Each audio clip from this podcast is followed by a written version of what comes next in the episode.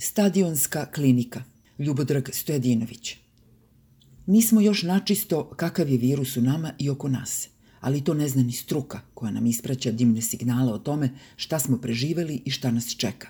Ni oni ni mi ne znamo ni jedno ni drugo. Izgleda da zaraza ima svoju logiku i nje se drži dok je u ljudima. Možda valja razmisliti o ideji nemačkog epidemiologa. Prestanite sa testiranjem, pa neće biti zaraženih. Onaj koji ne zna da je bolestan i nije bolestan. Za razliku od preplašene Evrope, mi smo se prvi vratili futbalu koji ima atmosferu. Ta igra je inače nezamisliva bez publike, iako je srpski nogomet stavka za sažaljenje, rashod i konačno ukidanje. Gomila neznalica i šonjavih dunstera jurca za kožnim puvalom po blatnjavoj ledini, ne znajući šta bi sa njim kad ga stigne. Pa se na tom putu sudaraju, krljaju, klipšu po travi bez orijentacije. Pobeđuje onaj što ga slučajno ugura. Tako je bilo i onomad u velikom derbiju, koji su nekako dobili očajno loši amateri, ali nešto bolje od onih koji su poraženi i izbačeni iz skupa. Svet se čudi zbog ludih Srba sklonih masovnom ritualnom suicidu. Stadion u Beogradu postao je pobesnela laboratorija virusa. Poražene je nekoliko dana pre napustio njihov ugledni i vatreni navijač Milojko Pantić, koji je svoj opravdani užas obrazložio javno.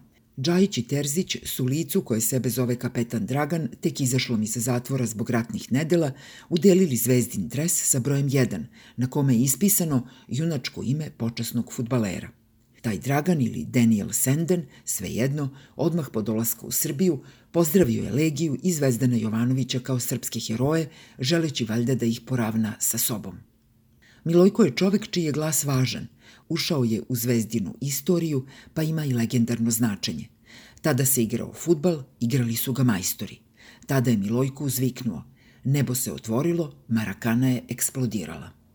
Odrekao se možda i tih nezaboravnih futbalskih egzaltacija i više nije spreman da se bavi uspomenama. Stvarnost nije crvena, nego crna. Pored Džajića, slepo zaljubljenog u kondukatora, stajao je Zvezdan Terzić, onaj koji je video Vučićev duh nad Marakanom, pa ih je Milojko brutalno, pouzdano i opravdano razložio na proste činioce i anatemisao za sva vremena. Vrhunski potez druže. Iz takvog etičkog ambijenta ne proizvodi se igra jer nju i nema ko da proizvede, nego nacional-šovinistički mit na tribinama i jedino u tom najrazornijem obliku ume da opstane. Taman kad je struka počela da strepi od čudi virusa koji tekako voli da se ljudi druže, grle, ljube, slave, čule su se stidljive naznake da će mere svakako biti pooštrene kada prođu pobednički izbori. Vladalac je u jednom danu učinio ono što inače stalno radi – obezbedio se lično proizvedenom kontroverzom.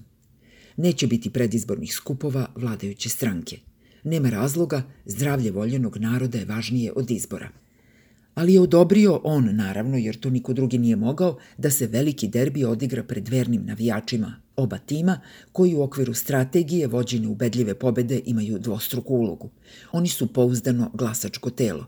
Iz njihovih sastava formiraju se stranačke batinaške trupe – Bez utakmice visokog rizika nema ni borbenog kaljenja takvih bilmeza. Vođe navijača će se i dalje kretati na granici pasije odanosti i unosnog kriminala, ostali dobijaju samo hleba i igara. Dobro, igre nema, ali zar je to bilo kome važno? Derbi se i ne igra zbog futbala. U gledalištu je bilo oko 17.000 mazohista. Oni su kisnuli, znojili se, urlali, pljuvali.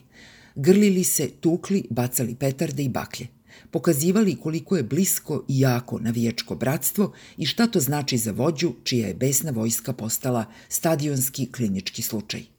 Njegovo je huligansko prevashodstvo taj zarazni vašar pratilo iz dvora. Šta se ima dogoditi ako masovno muško orgijanje na tribinama odmah posle izbora izazove novi snažni talas zaraze? Ništa manje od onoga što već nismo imali. Optužit će nas za nebrigu prema sebi, struka će se pridružiti manijaku u ruženju naroda. Grdiće nas režimski epidemiolozi što hodamo. Najugroženiji seniori će biti u strogom zatvoru dok ih ne iznesu. Oni koji su pri sebi moći će u kupovinu hleba od ponoći do dva. Policija će privoditi sve one koji pokušavaju da vrate svoju slobodu. Ustavni sud postaće kolektivni član SNS-a. Pobednik nad svima će iz vanrednog stanja sam krenuti avionom u novi poduhvat spasavanja svega što je već uništio. Činit će sa nama što mu je volja. Misli se ipak da ponižavajuću umobolnu torturu koju smo već jednom podneli, više nećemo moći da podnosimo. Ma je li nam konačno prekipelo i da li zaista više ne možemo? Možemo, možemo.